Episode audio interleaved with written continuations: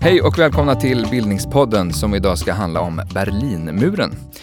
Magnus Bremmer heter jag och med mig här i studion på Stockholms universitet sitter Charlotta Seiler Brylla, Jens Christian Brandt och Ann-Judith Rabenschlag Karpe. Kan vara den längsta namnkombinationen i poddens historia eventuellt. Varmt välkomna hit. Tack, Tack så mycket. Eh, ni kan väl börja med att säga något om er själva. Ja, jag heter Charlotta Seiler Brylla. Jag är professor i tyska vid Stockholms universitet och eh, forskar om politiskt språkbruk.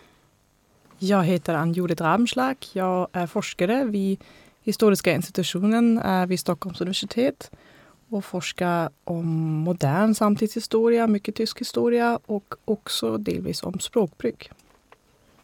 Jag heter Jens Christian Brandt. Jag är litteraturkritiker i DN och översättare från tyska. Strålande. Charlotta, vad var Berlinmuren?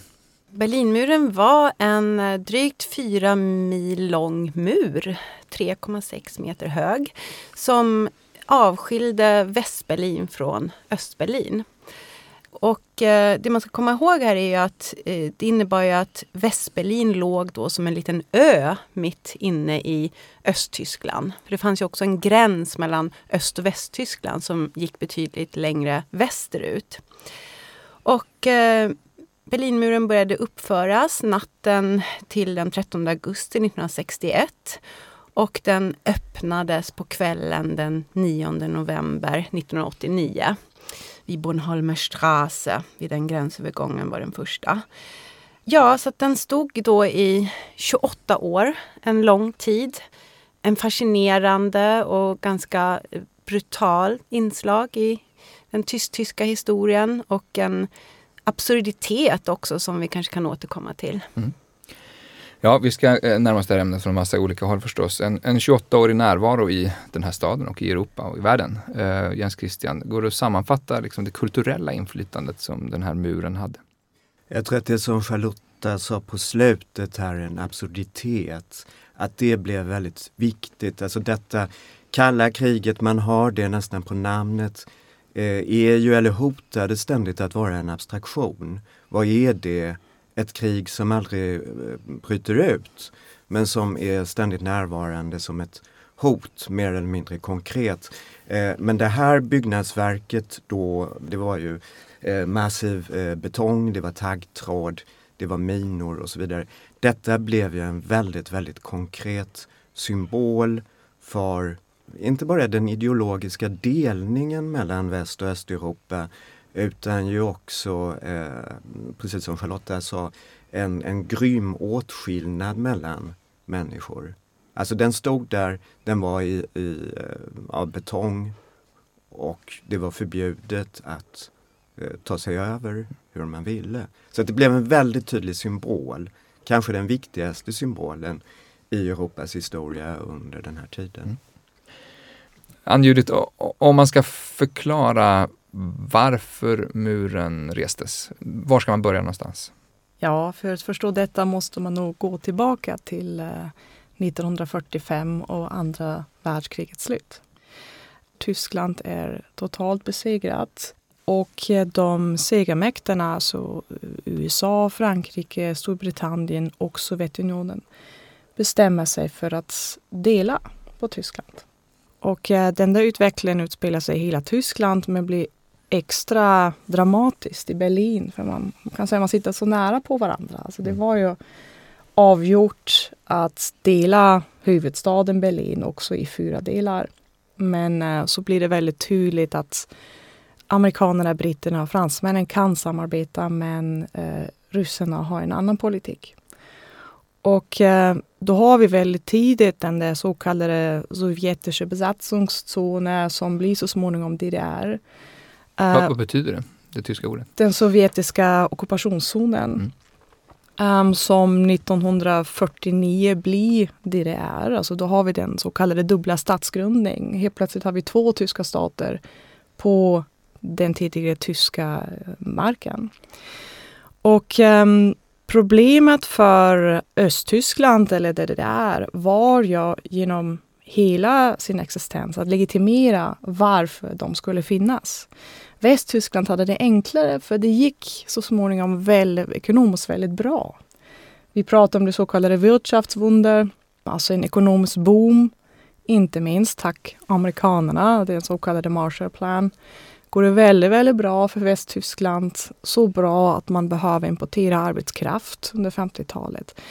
Och eh, på 50-talet, man, man pratar inte om naziförflutandet än. 50-talet är den guldna tiden i västtyska historien. Och Östtyskland, eller DDR, har ju problemet man måste förklara varför ska det finnas en tysk stat till? Om de i väst har det ekonomiskt så mycket bättre, det måste man ju visa, men varför, vad har vi att bjuda på? Och då var den eh, östtyska förklaringen var att vi har det bättre samhällsmodellen. Mm. Den socialistiska modellen. Vad säger ni andra? Vill ni fylla på den bilden? Vad behöver vi veta innan vi så att säga reser muren här inne i studion? Nej, men det är väl väldigt viktigt det här som Ann-Judith säger att DDR hade ju under hela sin existens just det här uh, legitimeringsproblemet. Varför, varför ska det finnas en andra tysk stat? Och det blev ju också då, ska man säga, den, den yttre förklaringsmodellen, den här propagandaförklaringen till att muren byggdes uh, var ju just det här den antifascistiska skyddsvallen som mm. den också kallades, nämligen att man skulle skydda det, det, ideologiska bättre systemet från kapitalismen och imperialismen på andra sidan. En, en, sak som man kan tillägga är ju att det är Berlin som då existerar mellan 1945 och augusti 1961 är ju eh, intressant. Det finns ju då den ryska, det finns redan ett så att säga Östberlin men man kan ju resa som man vill fortfarande mer eller mindre i den här mm. stan.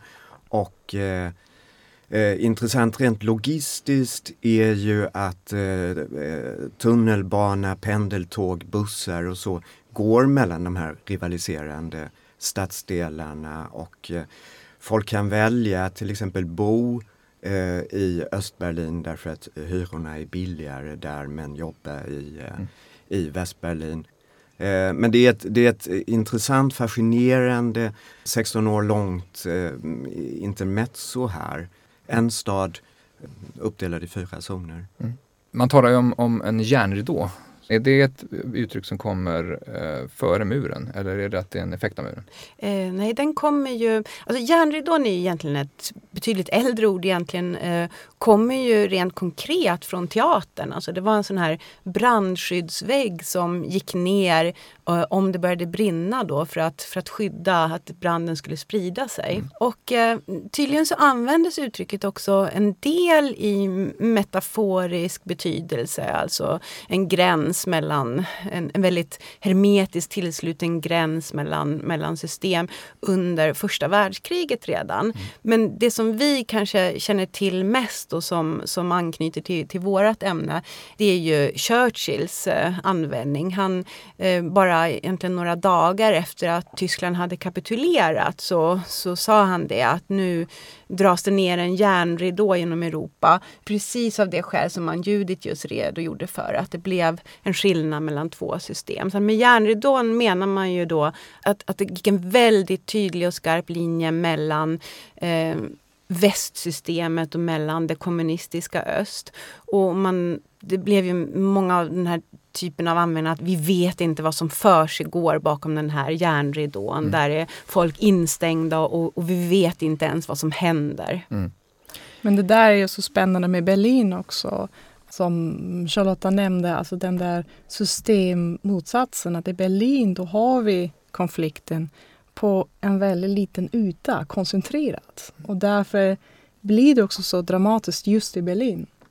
Alltså det får man att tänka på när man diskuterar eh, varför muren byggdes och vad som hände sen höst 89. Just det, men att dra upp en mur är ett väldigt drastiskt, dramatiskt, väldigt konkret åtgärd. Här, när börjar Eh, den idén så att säga, dyka upp från DDRs sida? Ja, alltså vi vet idag att eh, Alltså vi, vet idag att det var DDR-regeringen som drev idén, det var inte Sovjetunionen. Fast uh, Ulbricht, dåvarande statsledare, eh, behövde såklart få grönt ljus från Moskva. Men det var DDR som drev fram idén. Och um, det dök upp där vid mitten och slutet av 50-talet. Och um, sen hände en del saker samtidigt som uh, leder till att utvecklingen blir accelererad och blir mer dram dramatisk. Alltså delvis har vi den interna utvecklingen inom DDR. Uh, DDR driver igenom en väldigt snabb kollektivering av lantbruket som folk är missnöjda med och som dessutom inte fungerar särskilt bra. Så eh, för, det är att en ganska dramatisk försörjningskris där vid slutet av 50-talet. Och det leder till att många DDR-medborgare bestämmer sig för att fly till väst. Uh, och det är redan från och med 57, 1957 um, förbjudet och straffbart. Det så kallade republikflucht, alltså att fly från DDR. Mm. Men uh, ändå är det många som tar risken och problemet för DDR är att det är framförallt unga välutbildade människor som flyr från öst till väst. Framtiden någonstans. Precis, mm. precis. Och sen um, kan man säga förstärks den inrikespolitiska krisen genom att uh, ett utrikespolitisk händelse det är nämligen att Khrushchev, dåvarande partiledare i eh, Sovjetunionen, han hotar eh, de västallierade genom att eh, säga att han, vill, han vill få bort dem från Berlin. Han, mm. han säger ja, de, de ska dra sig tillbaka i Berlin. Berlin ska bli en så kallad fristad. Um, och uh, att han förslår även att DDR ska ta över kontrollen av resevägarna från väst till öst i Berlin. Mm. Och eh, då är det nog många som får panik. Alltså det, för det är nog avsebart om det där skulle gå igenom, om de västallierade verkligen skulle dra sig tillbaka från Berlin, då skulle det nog ha varit bara en tidsfråga att Västberlin skulle ha eh, sugits upp av Sovjetunionen. Och, eh, mm. ja. Så och då är det många eh, i öst, som i Östberlin, som bestämmer sig att eh, nu fly från öst till mm. väst. Och det är faktiskt från slutet av andra världskriget, 1945, fram tills muren restes, är det tre och en halv miljon människor som flyr öst. Mm. Så det var, att bygga en mur var ett väldigt simpelt men väldigt effektivt sätt mm. att stoppa flyktingströmmen. Ja. Augusti 1961, Christian, det går ganska snabbt. Alltså jag tror att man i efterhand kan enas om att den här sommaren 1961 mm. Är en väldigt orolig tid. Det surrar rykten då, mm. konkret faktiskt, om en mur.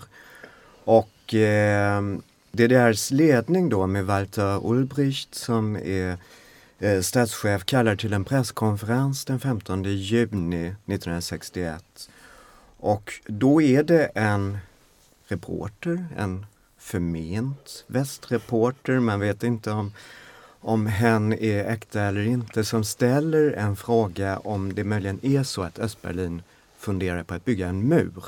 Och det har Ulbricht eh, väntat på. Då kan han luta sig fram över mikrofonen och raljerande säga, om jag får citera här. Om jag förstår frågan rätt så finns det människor i Västtyskland som vill att vi ska mobilisera våra byggarbetare för att uppföra en mur. Mig veterligen föreligger ingen sådan avsikt. Våra byggarbetare är framförallt sysselsatta med att bygga bostadshus. Ingen har för avsikt att bygga en mur. Och det där, det sista det där, ja, det sista är sen ett, blev såklart omedelbart ett klassiskt citat Eh, ingen har för avsikt att bygga en mur. Eh, medan det väl är så att de här planerna redan existerar då. Rimligtvis borde de ha gjort det med tanke på vilket byggprojekt det ändå handlar om. Mm. Och det, det, är, det är den 15 juni och knappt två månader senare då natten mellan den 12 och 13 augusti. Eh, ja, vad händer då egentligen? Ja, vad händer då? Då är det en, det finns säkert ett eh, socialistiskt begrepp för det här, eh, en, en kolonn byggnadsarbetare som rycker ut i, i skydd av eh, nattens mörker och eh, de uppför väl till en början framförallt taggtråd. Mm. Det, är, det, det finns en ordentlig planering för detta men som byggnadsverk är det mycket improviserat. Det är rullar av taggtråd helt enkelt som eh, rullas ut. Precis, och man, planen är ju, alltså det är ju eh, medvetet gjort att man gör det mitt under natten. Så de flesta i Öst och Väst, Västberlin som vaknar upp eh, den 13 augusti ser det där taggtrådet som är redan byggt. Och eh, det, blir, det leder till absurda situationer för ehm, när man ser, när man tittar på var muren eller taggtrådet byggdes då, tog, då ser man att man tog ingen hänsyn till eh, hur folk bodde. Eller, så vi har, det, det finns väldigt berömda fotografier som ger ett väldigt bra bild av den där situationen där vi ser till exempel ett hus. Um, huset tillhör öst men trottoaren tillhör väst. Och då finns en fotografi av en kvinna som den 13 augusti förstår alltså att huset ska vara en del av gränsen. Så hon försöker ta sig bort ut från öst till väst. Och fotografin visar kvinnan som man hänger ner från fönstret. Men vågar inte släppa tagen. Och, och nere på trottoaren står människor från väst och ropar hoppa, hoppa nu, våga hoppa. Och samtidigt kommer folk, eh, poliserna eh, in i huset som tillhör DDR, tillhör öst och försöker stoppa henne. Och, Men eh, den där, det där taggtrådet som blev muren så småningom delade ju familjer. Alltså det, eh, eller grannar. Det var så att man vaknade upp och helt plötsligt eh, kunde man inte hälsa på sina släktingar eller sina kompisar som bodde eh, 50 meter vidare. Men var, var gränsen så detaljerad eller behövde man liksom fatta beslut medan man drog? Nej, den, den var ju, alltså detta, gränser är ju alltid nyckfulla. Alla gränsdragningar är nyckfulla. Eh, men här blir det så extra tydligt. Det är, är gator i en organiskt vuxen stad där folk sen har suttit, ofta på långväga orter, Jalta till exempel, och eh, dragit röda linjer godtyckligt på det här eh, pappret. Mm. Vi ska tillägga en sak om den här natten 12 till 13 augusti 1961. Det är alltså en söndag. Eh, och det, alltså det är, en, det är en söndag, det är en sönd- det är mitt i natten, det är den dåsigaste delen av sommaren. Är det här en avsikt eh, att Ja, det, må, överraska? det, måste, det måste vara så att man räknar med att folk sover åtminstone någon timme längre eh, än söndag. Och så att när berlinarna vaknar, precis som Ann-Judith sa, då, då är detta eh, redan ett faktum. Och man har försovit sig, så att säga. Mm.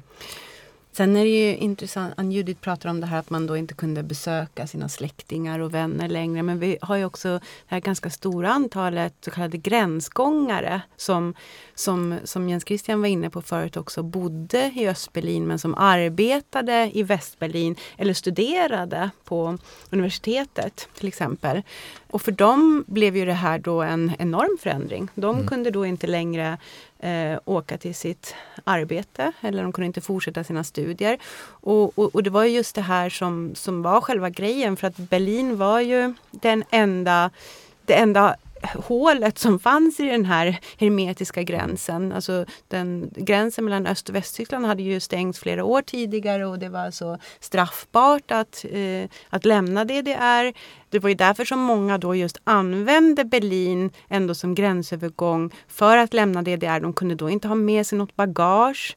Eh, de kunde inte ha någonting som tydde på att de inte tänkte komma tillbaka. Men det var ju många som flydde på just det sättet och lämnade eh, allting. Och de reste kanske inte tillsammans med familjen utan de reste en och en för att inte då väcka misstänksamhet. Men för de här gränsgångarna så förändrades ju vardagen då över natten. Mm. Hur snart står liksom den, den, den definitiva muren på plats? Alltså det är som sagt, det är, till en början är det taggtråden. Efter två dygn eh, anländer sen eh, betongblock och då, då kan man eh, börja bygga. Och det tror jag också är viktigt för att manifestera delningen, att man inte längre kan se över till andra sidan. Det är alltså två dygn Mm. när folk håller på och vinkar till varandra Mm. genom den här relativt transparenta taggtråden. Sen anländer eh, betongblock och eh, du sa det här eh, 3,6 meter hög, att Mm. Berlinmuren. Det tror jag var på slutet. Jag tror till en början är det här kanske 2,5 meter Mm. eller någonting.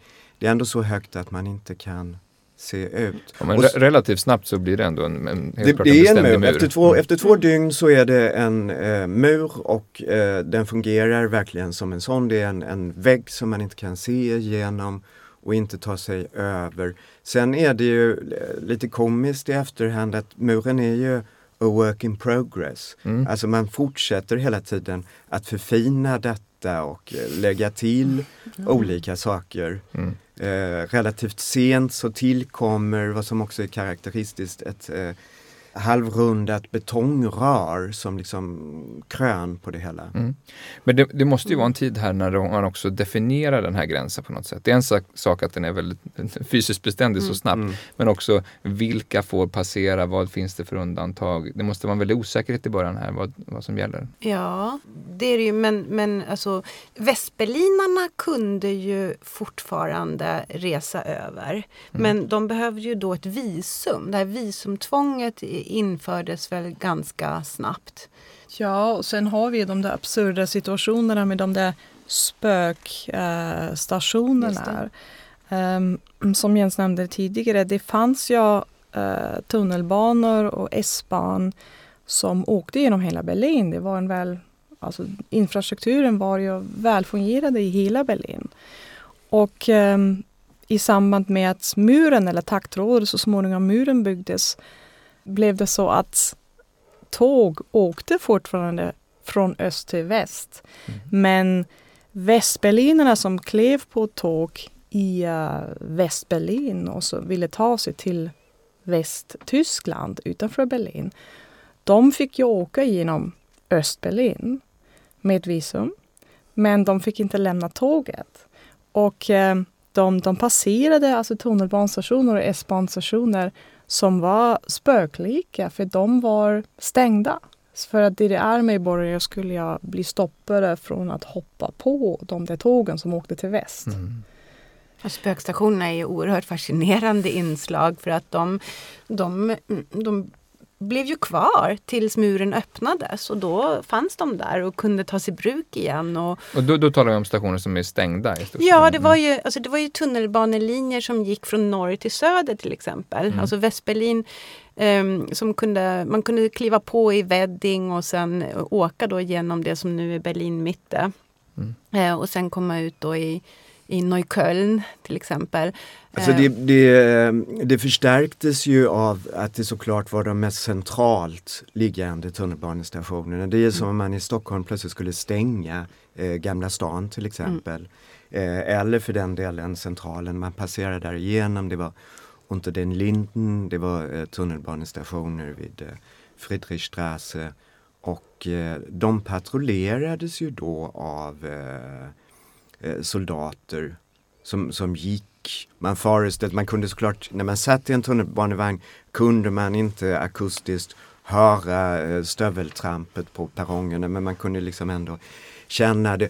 Det där bevakades ju därför att folk också försökte eh, fly genom de här tunnlarna. Så småningom blev det också populärt bland unga män i väst att tränga sig in av någon konstig anledning åt andra hållet. Att ta sig ner i en Västberlins tunnelbanestation och sen, sen gå till de här eh, eh, spökstationerna i öst. Mm. Men det är, det, är, det är mycket, det är väldigt symbolladdat med tunnelbanan. Det var också en tunnelbanelinje eh, som senare skulle bli eh, känd genom en musical på 80-talet som hette Linje 1 som gick till Kreuzberg som vid den tiden var bohemkvarter men där slutstationen låg i Östberlin och där blev eh, en hel uppsättning tåg kvar den här natten. Och det var på något sätt också det här liksom tåget som stod där och som Västberlin skulle ha tillbaka. Det var viktigt. En annan lite kuriositet med eh, muren det är också att väldigt många djur blev eh, inburade den natten. Det var framförallt i eh, västra Västberlin där det är stora skogsområden, sjöar, Grunewald.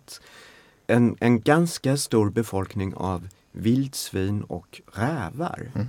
Skildes och, från sina familjer. Och de, de var helt enkelt sen eh, inburade där och eh, hämnades också. Det var farligt för västberlinare med hund att gå där. Släppte man hundarna togs de av vildsvin. um, det, det gjordes ju under den här första tiden också ett, ett antal flyktförsök. Mm. Ja. Um, kan inte berätta lite om det? Här, här behöver ju DDR markera. Ja, det har ju funnits uh, väldigt, alltså flera flyktförsök och folk försökte fly på olika sätt. Det finns ett väldigt spännande museum fortfarande i Berlin vid Checkpoint Charlie. Um, Just det, som som är som en av de här gränsstationerna. Precis, precis. Uh, som illustrerar uh, dessa flyktförsök. Och uh, just nu, går, eller för några veckor sedan, gick ju fortfarande en film på bio. den är Ballongen där en familj försökte ta sig över gränsen i en ballong. Mm. Sen fanns det försök att gräva tunnlar. Um, man försökte, folk gömde sig i bilar men också ju... i början just väldigt konkret försöka ta sig över. Eh, det var ju som, det, som två murar och en, eh, vad kallas det nu?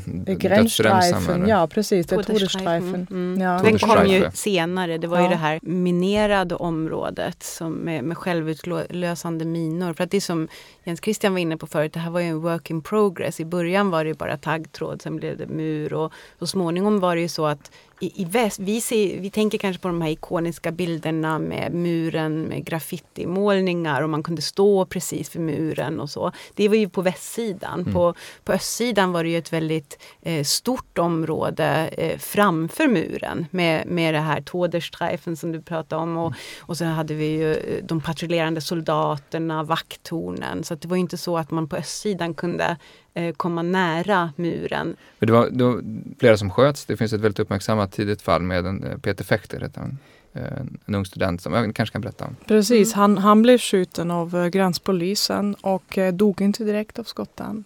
Men han låg kvar och... ingen fick komma till undsättning ingen, Nej, precis. Ingen fick komma och hjälpa.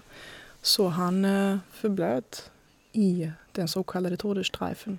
Från västsidan fick man inte komma in och Nej. från östsidan väntar man i stort sett på, ja hur gör vi här? Det här är en ny situation. Mm. Får vi hjälp? Precis. Fram man väntar på order egentligen. Men man vet att alltså, det finns inga exakta siffror men um, det är i alla fall för, förmodligen upp till 150-160 personer som dog under försöket att ta sig över gränsen. Ja, muren ska vi säga. Över muren, Sen precis. har vi mycket större siffror när andra. vi pratar precis. om hela gränsen. Absolut. Och mörkertal, vi vet inte hur många som försökte ta sig eh, till Danmark eh, via, genom att simma eller med olika typer av farkoster. Mm. Så, att, så att det där går inte precis, att säga. Det finns folk mm. som har lyckats att simma genom Östersjön. Mm. Alltså, det ja. finns helt otroliga historier. Mm. Men Peter Fechter som då är, ett, ett, det är redan första hösten. Finns det tidiga sådana där eh, tidiga exempel där, där brutaliteten i den här muren, både kulturellt, politiskt och liksom fysiskt, eh, markeras? Alltså vi har ju ett högt, uh, väldigt spänt politiskt läge som um, äger rum redan i oktober 61 vid den så kallade Checkpoint Charlie. Mm. Där vi har sovjetiska och amerikanska stridsvagn som står på varsin sida av gränsen. Och vi vet nu att både den sovjetiska befälshavaren och den amerikanska hade tillåtelse att skjuta skarpt. Just det, stridsvagnar står mot varandra vid den här gränskontrollen. Det är en amerikansk diplomat som ska gå på teater med sin fru. Och sånt där. Som jag tror bakgrunden till att det blev för första gången problem med visumet. Annars kunde diplomater röra sig över gränsen väl? Precis. Vid den här tiden. Precis. Ja. Ja, men det, det, där är säkert viktigt. Alltså det, det, det var den 25 oktober 1961. Det är sju stycken sovjetiska tanks och 15 amerikanska som står där i väldigt många timmar. Ja. Och, och då, då är kalla kriget faktiskt eh, nära, väldigt nära, väldigt nära att eh, bryta ut. Men det där året är helt galet. Alltså det, så småningom äger Kubakrisen rum. Alltså kalla kriget är väldigt, väldigt nära att bli mm. ett hett krig. Men, men om vi kan bara eh, komma tillbaka snabbt till det här med eh, flykt. Eh, I början var det det vanligaste sättet att fly var egentligen bagageluckor.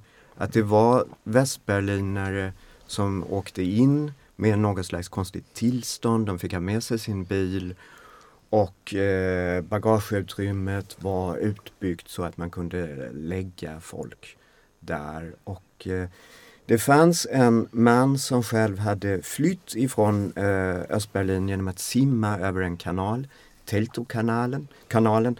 Han hette Hartmut Richter och jag tror att han satte någon slags världsrekord i lyckad människosmuggling. Eh, han lyckades med det där 33 gånger att eh, föra människor ut ur Västberlin. Sen gick han i en fälla och dömdes till 15 års fängelse. Men det finns något intressant i detta med eh, smugglandet av människor att de här är ju till en början väldigt stora hjältar på västsidan. Alltså då är detta med att liksom smuggla människor är någonting heroiskt och man kan tänka på eh, Raoul Wallenberg och så vidare.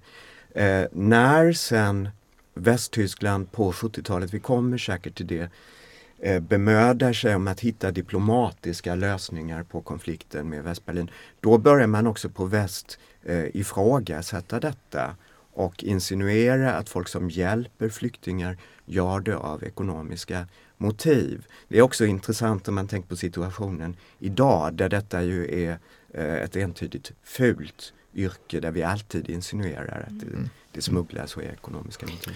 Men apropå den här flyktingtrafiken då i, i, under de tidiga åren där så, så kom, har det kommit en bok nu under hösten av Karin Westin Tikkanen som heter Flykten genom Berlin. Eh, och hon berättar bland annat om Peter Fechter men, men också eh, särskilt fokus då på en studentgrupp i Västberlin, den så kallade Girmangruppen som eh, ville då framförallt hjälpa de här studenterna som hade studerat vid eh, universitetet i Berlin och som inte kunde fortsätta sina studier. Men sen, sen utvecklades det här till ett betydligt större projekt och eh, det de gjorde då eh, i början var att de använde pass, eh, den så kallade dubbelgångarmetoden. Så att mm.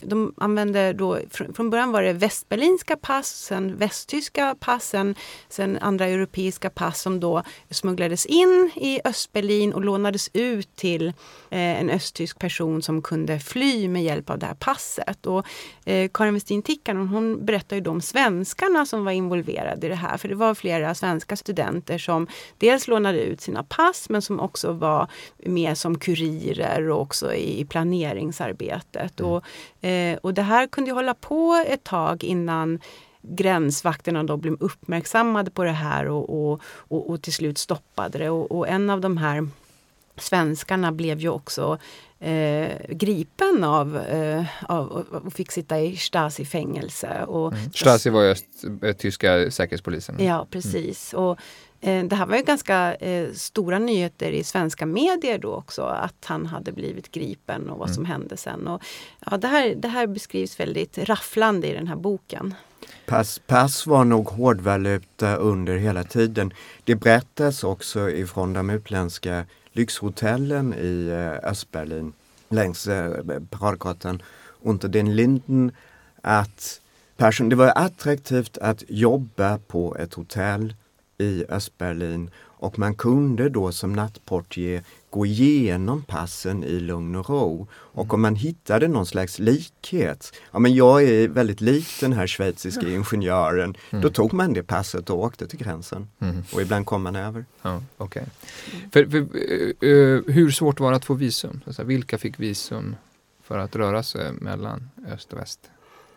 Alltså, östtyskar kunde ju få eh, resevisum för att utföra olika typer av aktiviteter i väst. Alltså till exempel om, eh, om man hade en släkting i, i väst som hade gått bort så kunde man få visum för att åka på begravningen. Men mm. då var det ofta så att inte hela familjen fick åka. Och, äldre personer kunde få visum för att det var man inte eh, så rädd att bli av med dem för då skulle ju Västtyskland få betala pensionerna.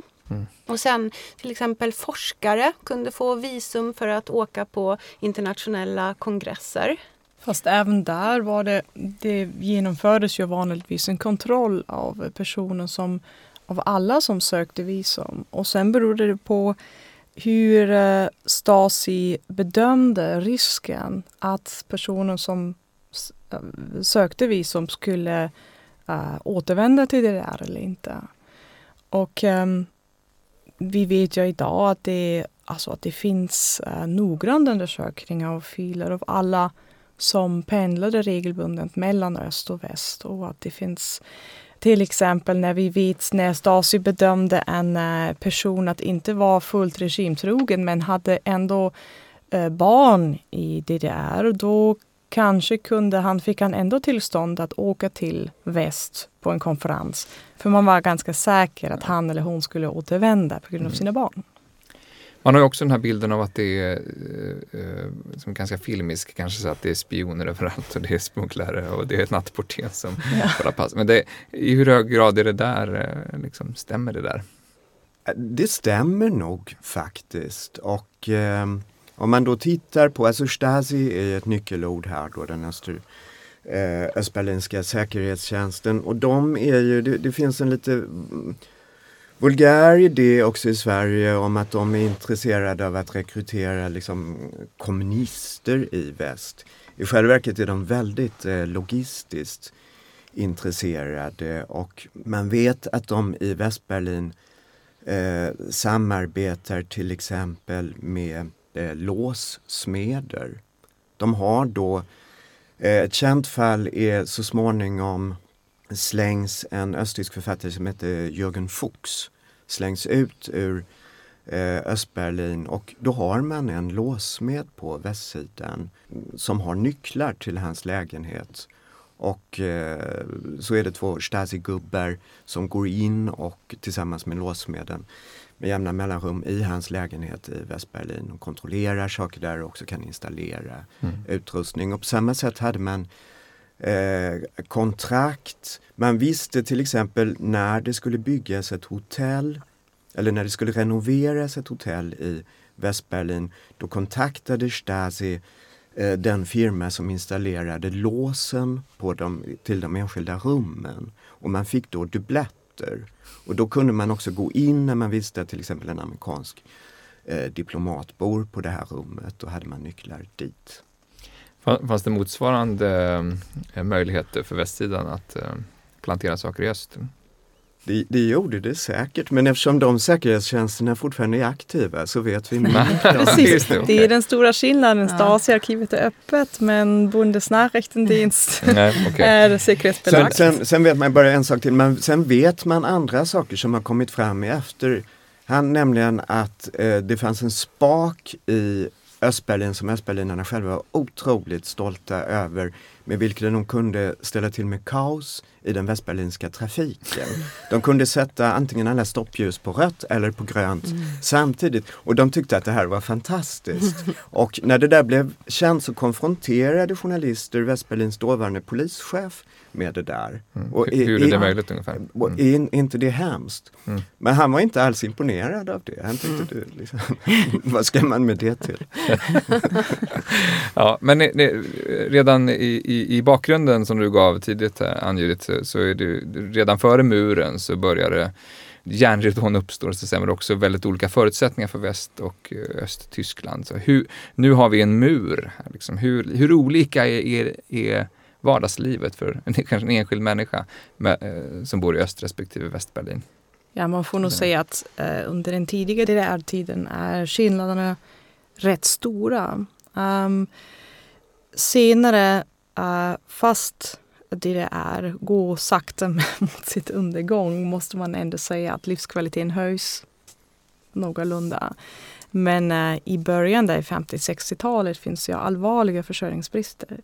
Och eh, vissa varor, till exempel bilar, alltså den, de så kallade, den så kallade Trabi, Trabanten. Mm. Det alltså motsvarade på västsidan kanske Volkswagen.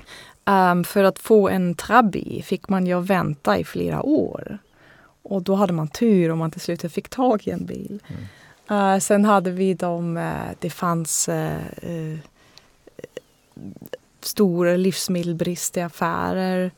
Um, framförallt um, importvaror från eh, andra kontinenter nådde nog väldigt sällan DDR-affärerna. Eh, vi har den där eh, symboliska händelsen efter murens fall att eh, eh, många eh, östtyskar går till västtyska affärer och det första de gör är att de köper bananer och apelsiner och exotiska frukter som de, de inte hade fått tag i. Det där. Mm. Du har ju också intresserat dig i din forskning för bilden av väst. Så. Ja. Hur hög grad definieras väst ut som motsats till öst?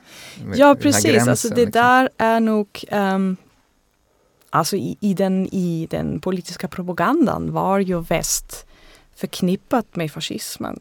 Och ehm, um, DDR-regering höll fast vid, det där, vid den där tesen väldigt länge att uh, um, alla tidigare nazister bodde i väst. Och eh, uh, DDR grundades på den där myten av antifascismen. Alltså, det vill säga att man påstådde att eh, DDR växte fram ur den eh, socialdemokratiska arbetarrörelsen och kommunistiskt motstånd mot nazisterna som DDR-regeringen kallade för fascisterna. Alltså. Men eh, så småningom var det ju väldigt svårt att stoppa helt informationsflödet från väst till öst. Så man kunde ju, folk i DDR och Östberlin kunde titta på väst-TV fast det var förbjudet. Men alla gjorde det. Man tittade på Die Tagesschau, nyheterna på kvällen. Och um, det här blir ett problem för DDR-regeringen. För folk i öst ser ju nu på TV vad man kan köpa i västaffärer. Mm. Och när vi närmar oss nu den där spännande tiden där 80-talet, slutet av 80-talet, då händer också en del. Det finns en otroligt absurd situation under det sommar 1989 och då har FDJ, die Freie Deutsche Jugend, alltså parti ungdomsförbundet, har lyckats få igenom att Bruce Springsteen kommer till Östberlin. Och eh, SED-ledningen går med på det. Uh, man hoppas nog att uh, kunna släppa lite tryck eller man tror att ja, bara ungdomar får lyssna på musiken och dansa då, då glömmer de uh, att protestera kanske. Bli lite nöjdare. Så Bruce Springsteen kommer faktiskt okay. till det där. Till Östberlin och sen sjunger han sin, uh, sin låt Born in the, in the USA. Mm. Och tusentals öst, unga östtyskar skriker alltså sjunger Born in the USA. vi tar Bruce Springsteen som en liten teaser för den här sommaren som vi alldeles strax ska komma till. Jag tänkte vi måste, den här muren är ju en sån enorm närvaro, liksom, fysiskt, geografiskt, politiskt, kulturellt på alla plan. Till och med svenska punkbandet Ebba Grön sjunger om Die Mauer. Ja. Det här är en referens på så många plan. Men hur, hur i det tyska eh, ja, men, kulturen? Hur, hur, ja, det, det, hur, ser man uttrycken där? Jag, jag tänker, alltså, man, man, läser svenska skildringar av Berlin från 80-talet. Då är ju muren allestädes närvarande på något sätt. Det finns en bok av Thomas Millroth från 80-talet där han skriver att muren är väl den här bokens egentliga huvudperson. Mm. Och, och därför är det ju så intressant att se att i den tysk-tyska eh, uppfattningen så blir ju muren till det här som vi var inne på, den här absurda normaliteten. Att det är många som inte ens reflekterar över ja. att den står ja. där. Eh, Västberlinarna, ja den, den, finns där nära, de kan gå liksom längs muren. Och, och, och, det, är som att, eh, ja, det är som att det står ett slott där eller, mm. eller någonting annat. Och jag menar, i, i DDR är det ju så, så viktigt att den förkroppsliga gränsen naturligtvis. Men också där finns det då en, eh, någon slags normalisering av det. Och jag, jag, om jag får bara citera kort här ur en, en bok. Det är en, en eh, östtysk, eller en journalist som växte upp i DDR, född 70. Så att han berättar om en skolutflykt till muren med, med klassen då. För då skulle man åka och titta på den eh, antifascistiska skyddsvallen med läraren. Maxim Leos Röd kärlek var det Ja, då berättar han då att eh, när de är då vid den här antifascistiska skyddsvallen. Och medan lärarinnan berättade om den socialistiska fredskampen funderade vi på hur man på bästa sätt skulle ta sig över. Med en kranbil föreslog någon, med ett segelflygplan en annan.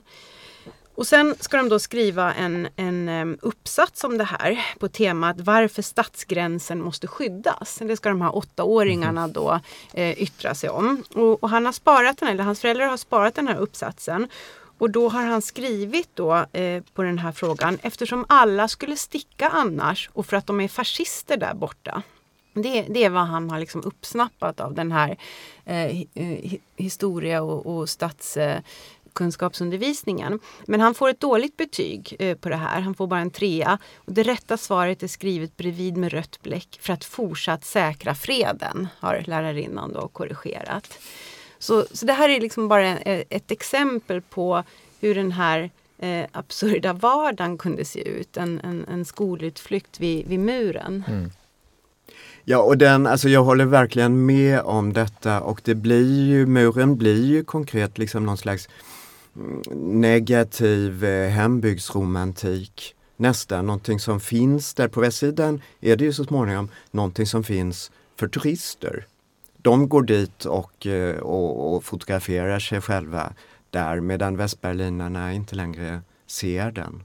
Sen, jag tror att det är på våren 1989, då öppnar eh, DDR plötsligt ett kontor i en ganska anonym stadsdel i södra Berlin, i Steglitz. Där har de ett kontor och dit kan då västberlinare, alltså DDR eh, jobbar med tre kategorier, det är utlänningar, det är västtyskar och det är västberlinare. Västberlinare och västtyskar är aldrig eh, samma sak administrativt. De har ett kontor och då kan man gå dit och få någonting som heter Mehrfachvisum som skulle kunna översättas med Uh, Sam fler gångs, ja, samlingsvis som man kunde använda stämpelkort. det. Som, det, precis, precis, det är ett stämpelkort. En remsa det gäller eh, tio gånger. Mm. Man kan då för första gången, jag tror att detta är möjligen är det, det är april eller maj 1989. Då kan man gå och hämta ut den här mm. remsan och sen, sen behöver man inte ansöka om visum utan man har det här då tio gånger. Och då kan västberlinarna för första gången också åka, eh, inte bara till Östberlin utan också åka ut eh, i vad som då är, är DDR men som är eh, väldigt nära. Man kan besöka en stad som Potsdam till exempel mm. som ligger bara en mm. kvart bort men som tidigare har varit väldigt mm. svårtillgängligt. Vi talade ju eh, tidigare om var vi, var vi skulle börja någonstans för att förklara att muren restes. Var ska vi börja för att förklara varför muren till slut faller? Uh, är det vid stämpelkorten eller är det någonting redan tidigare före Ja, alltså Året man, 1989 som naturligtvis man viktigt. måste, ja, alltså man kan inte prata om murens fall och överhuvudtaget DDR eller tysk historia enskilt. Man måste prata om öster, östeuropeisk historia och framförallt vad som sker i Sovjetunionen. Mm. Och um, det avgörande är ju, uh, skulle jag säga, Gorbatjov som tar över i Sovjetunionen och um, för första gången bryta med Brezhnev-doktrinen som kräver eller som säkrar, som ger backup till alla östeuropeiska regimer um, att slå ner folkuppror. Uh, det som vi har sett i Ungern 1956 eller Tjeckoslovakien 1968 att uh, där befolkningen försökte resa sig till, mot den inhemska uh, kommunistiska regimen och där Sovjettrupperna kom och hjälpte till och sköt dödliga skott på den inhemska befolkningen. Mm. Och nu kommer alltså Gorbatjov och säger vi kommer inte nödvändigtvis backa er andra, alltså han pratat till de andra eh, östeuropeiska ledningarna, uh, när någonting skulle ske i era länder. Och det mm. här är jag eh, en otroligt viktig signal. Vi har de där nyckelorden perestrojka och glasnost Alltså förändring, perestrojka och glasnost, öppenhet. Gorbatjov vill driva igenom reformer i Sovjetunionen eftersom han inser att um, Sovjetunionen uh, förfaller ekonomiskt. Uh, man har helt enkelt inte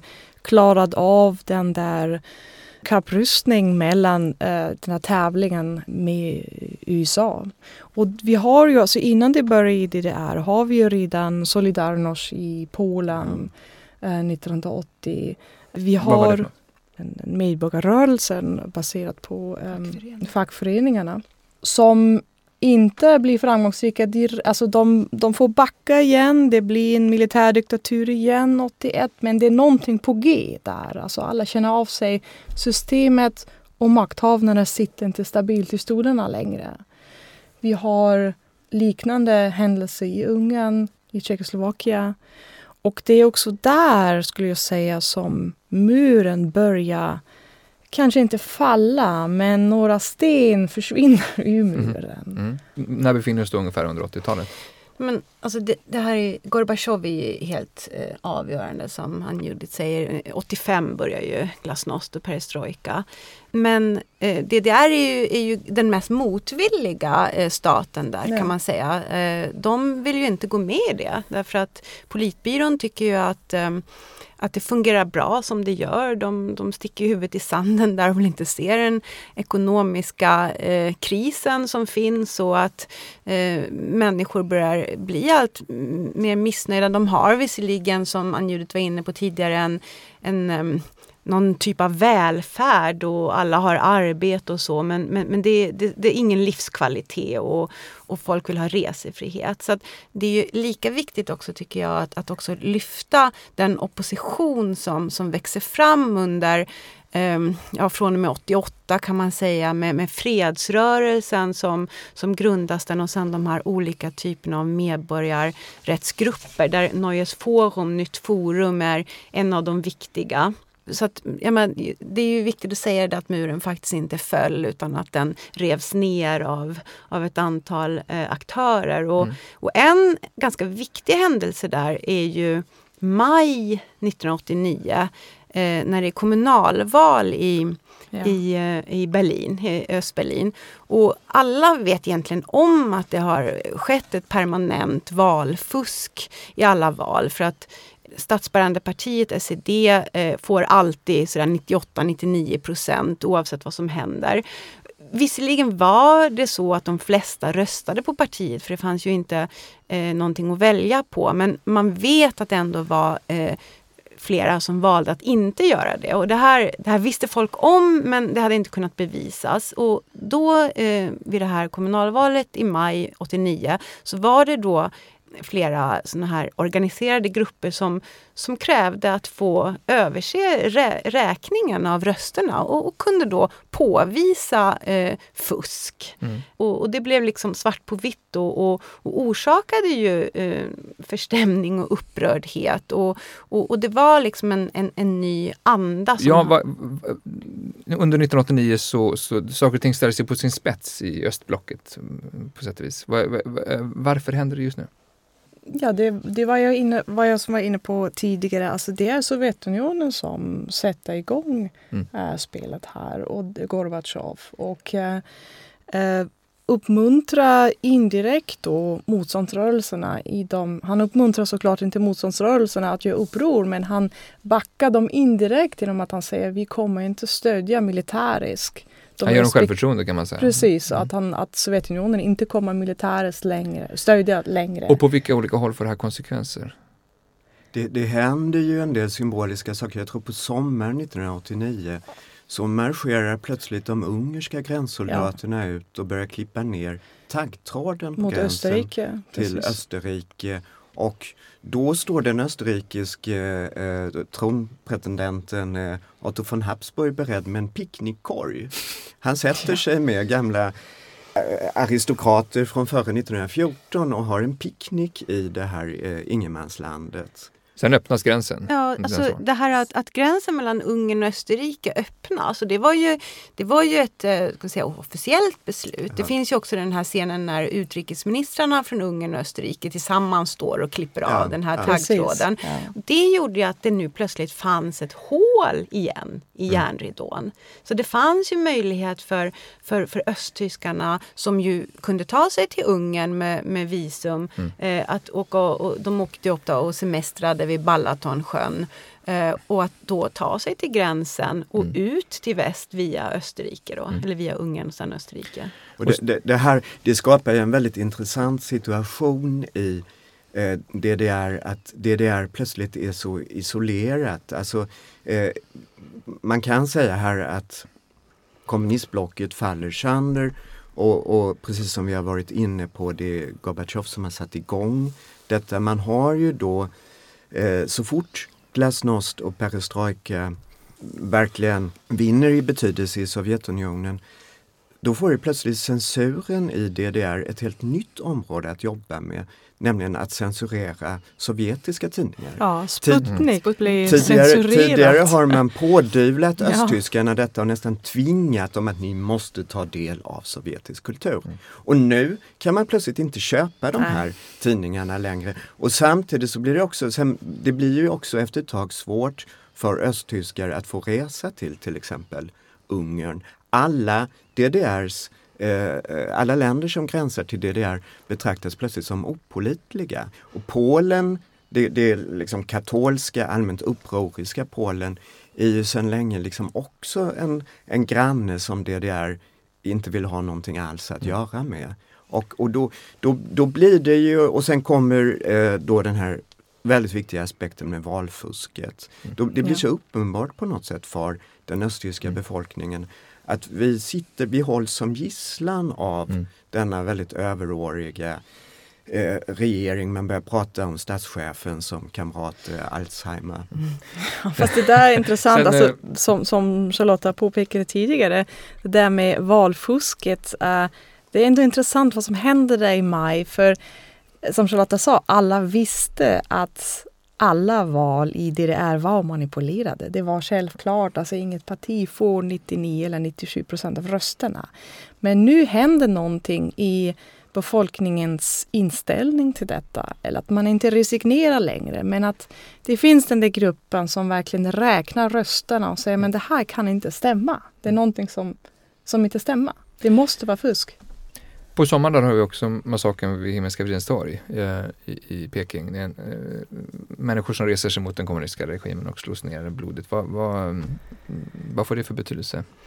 Så det, det, har ju, det får ju en viktig betydelse för, för medborgarrättsrörelsen ur, ur, ur två olika perspektiv skulle jag säga. Alltså, å ena sidan så en rädsla naturligtvis därför att um, Eh, DDRs regering är ju eh, snabb att gratulera eh, Kinas ingripande och kalla det för en handlingskraftig insats. Och, mm. och därmed signalerar de naturligtvis till till de här oppositionella att vi kommer inte att tolerera några massprotester. Vi, vi tycker att det här är en riktig väg att gå. Så att det, det, naturligtvis så, så utstrålar det ett hot som, som ju också väst tar del av.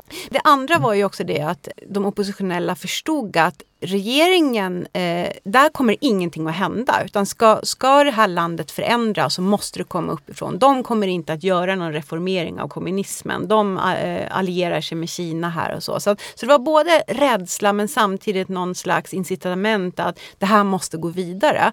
Och då eh, efter den här Ungern-sommaren och, och, när, när det då har, har liksom bildats en ventil då ändå att man kan, kan liksom komma iväg så så, så mobiliserar de här olika medborgarrättsrörelserna eh, och framförallt är det i Leipzig då.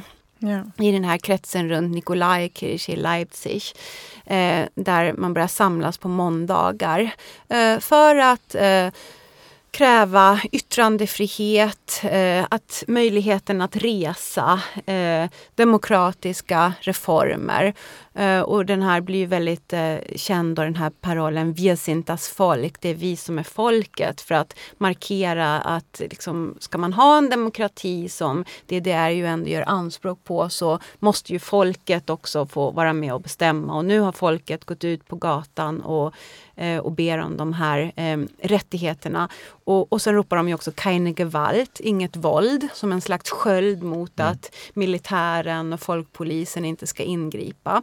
Och det här blir ju en, det blir ju en massrörelse. I början är det några tusen och sen är det, eh, tror jag, 9 oktober är det väl 70 000 och sen blir det 300 000 och, och sen kulminerar det då i den här enorma demonstrationen på Alexanderplatz i Östberlin där det Eh, där det är många hundratusen och, man, man gissade upp till en miljon en människor. miljon till och med. Ja. Och, och författare som Christa Wolf eh, talar. När är detta? 4 november Fjärde. 1989.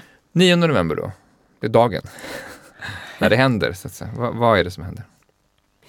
Ja. Ja, det finns ju den där berömda presskonferensen men det tycker jag är en eh, intressant fråga. Eh, Vi börjar med presskonferensen, Ja, börjar sen med kan vi ta den intressanta frågan. Mm. Har du det ordagranna citatet där, Jens Christian?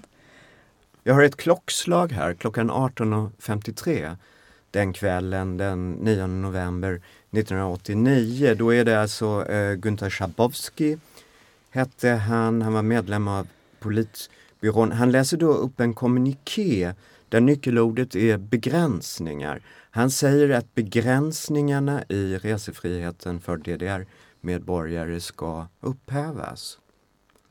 Ja, han, han säger att det ska ske lättnader i, i visumhanteringen. Att eh, DDR-medborgare ska kunna resa eh, utan att ha de här speciella eh, målen och anledningarna som vi pratade om förut. Att man skulle på kongress eller på begravning och sådär. Utan Ja. det ska bli lättnader i resa, resandet och eh, man ska kunna eh, ta sig ut genom alla gränsstationer.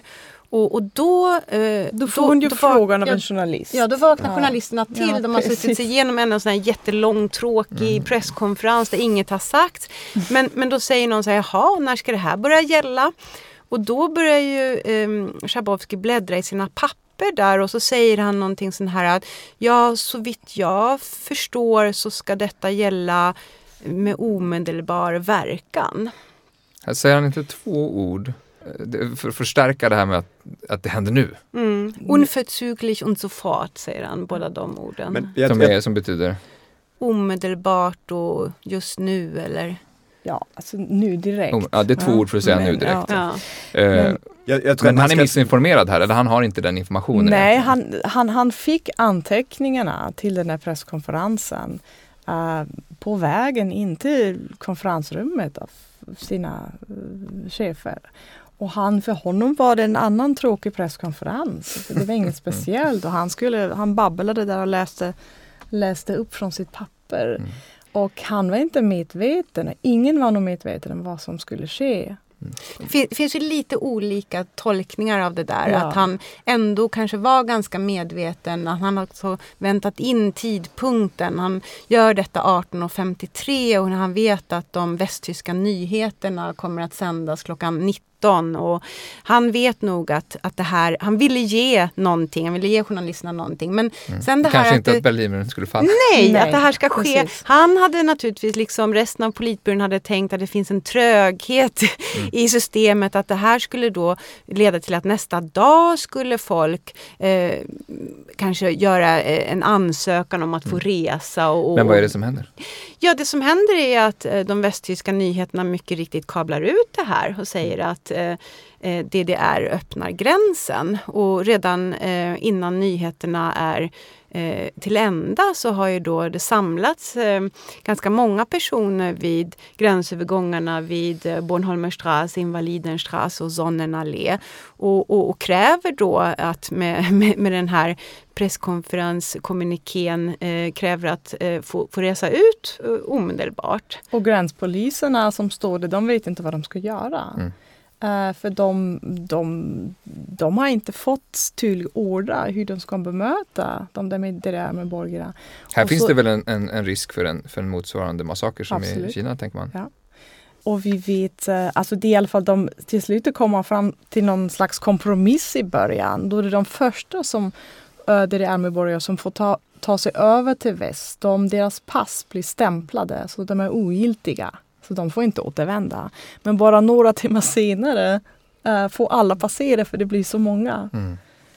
Det, det är roligt då den, den första orden när, när den här vakthavande officeren ringer in till Stasi-centralen och säger vad ska jag göra med de här människorna? Så får han veta att säg till dem att gå hem och komma tillbaka imorgon.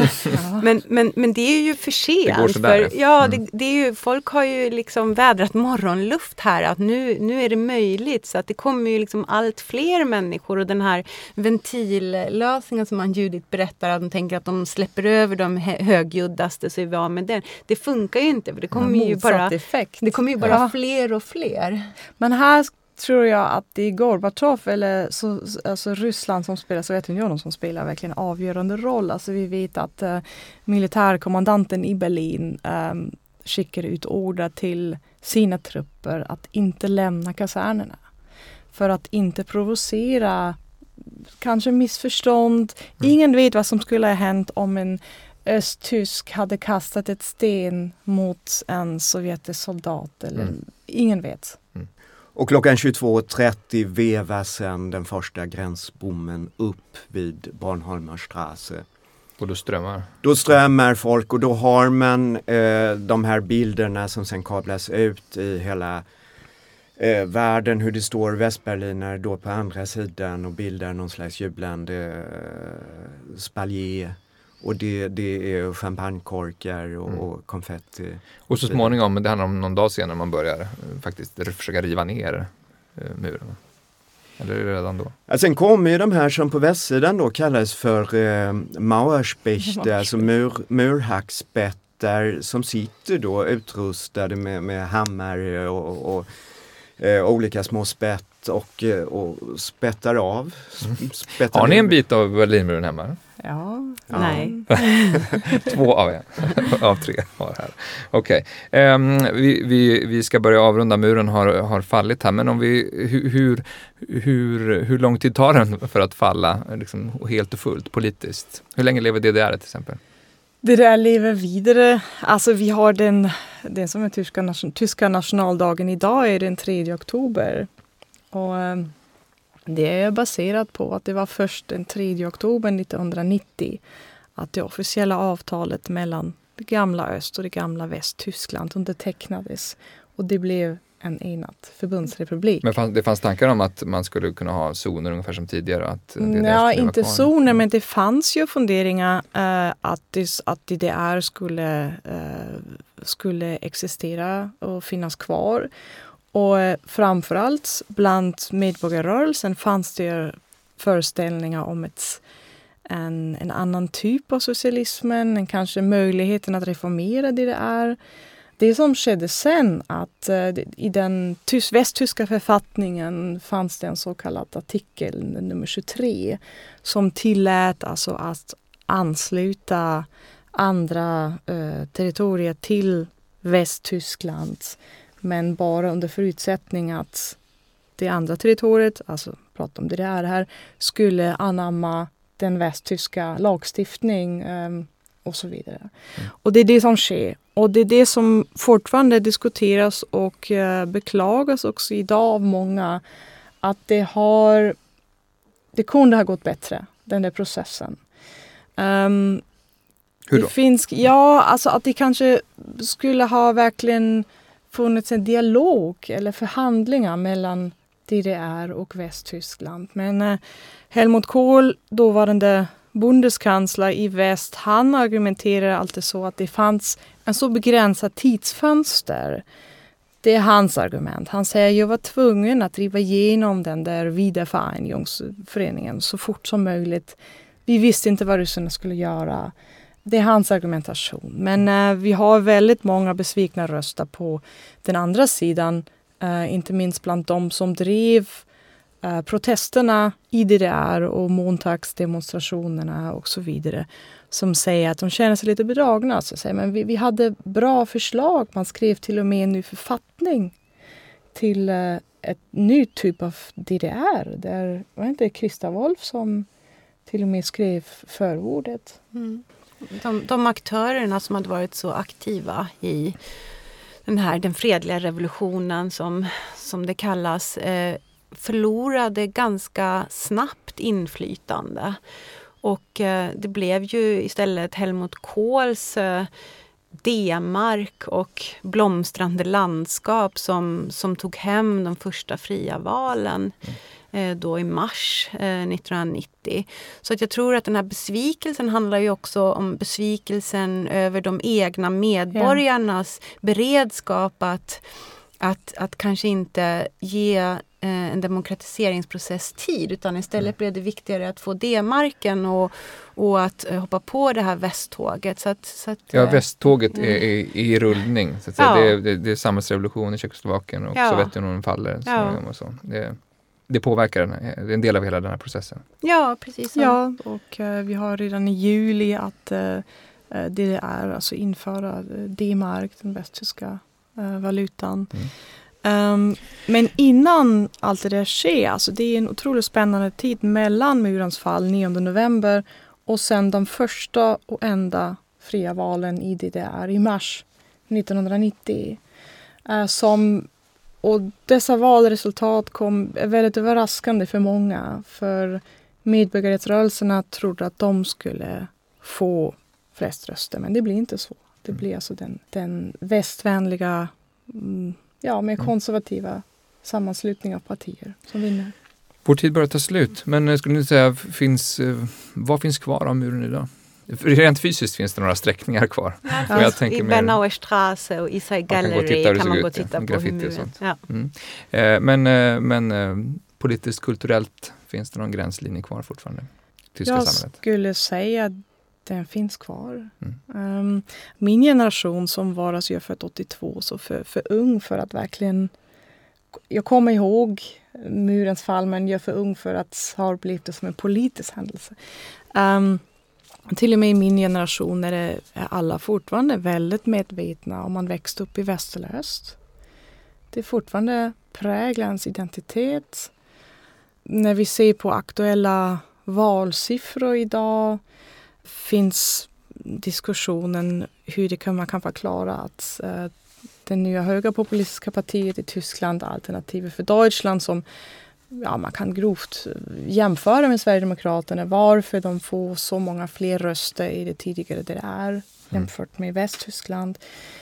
Det finns kvar Problemet, alltså den stora frågan är nu hur man ska hantera det. Kommer man reproducera vi muren genom att vi pratar om öst och väst hela tiden? Att man fortfarande i nyheterna till exempel har statistiker som jämför utveckling i de gamla bundesländer, alltså Västtyskland och de nya bundesländer, tidigare Östtyskland.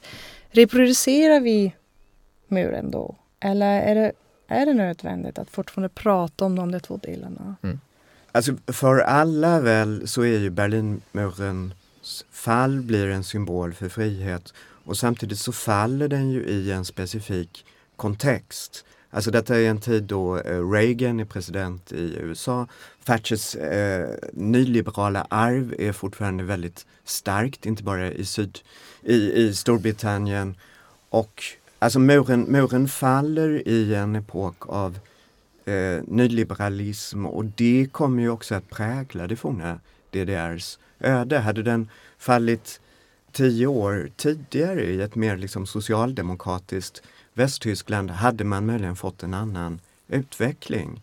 Eh, och möjligen hade det här liksom inlämmandet av DDR då gått eh, smidigare. Möjligen. Nu har man ett faktum här där dessa 15 eller 16 miljoner eh, östtyskar ska förhålla sig till ett ganska komplicerat politiskt system som de inte är uppvuxna i. En, en marknadsliberalism och där förväntas de liksom simma bland de andra pirajorna och att det inte alltid har skett så smidigt tror jag också att eh, AFDs framgångar är ett tecken på. Mm. Det får bli slutorden. Eh, tusen tack Jens Christian Brandt, Charlotta Seiler Brylla och Ann-Judith Röbenslag Karpe för att ni ville vara med i Bildningspodden. Tack. Tack så mycket. Tack också ni som har lyssnat. Vi är tillbaka om ett par veckor med ett nytt Bildningspodds avsnitt, men redan nästa vecka med en ny ljudise. Tack och hej! Du har lyssnat på Bildningspodden, en del av bildningsmagasinet Anekdot. Podden spelas in på Språkstudion vid Stockholms universitet och tekniker är Kristin Eriksdotter Nordgren. Fler poddar, filmer och essäer hittar du på anekdot.se.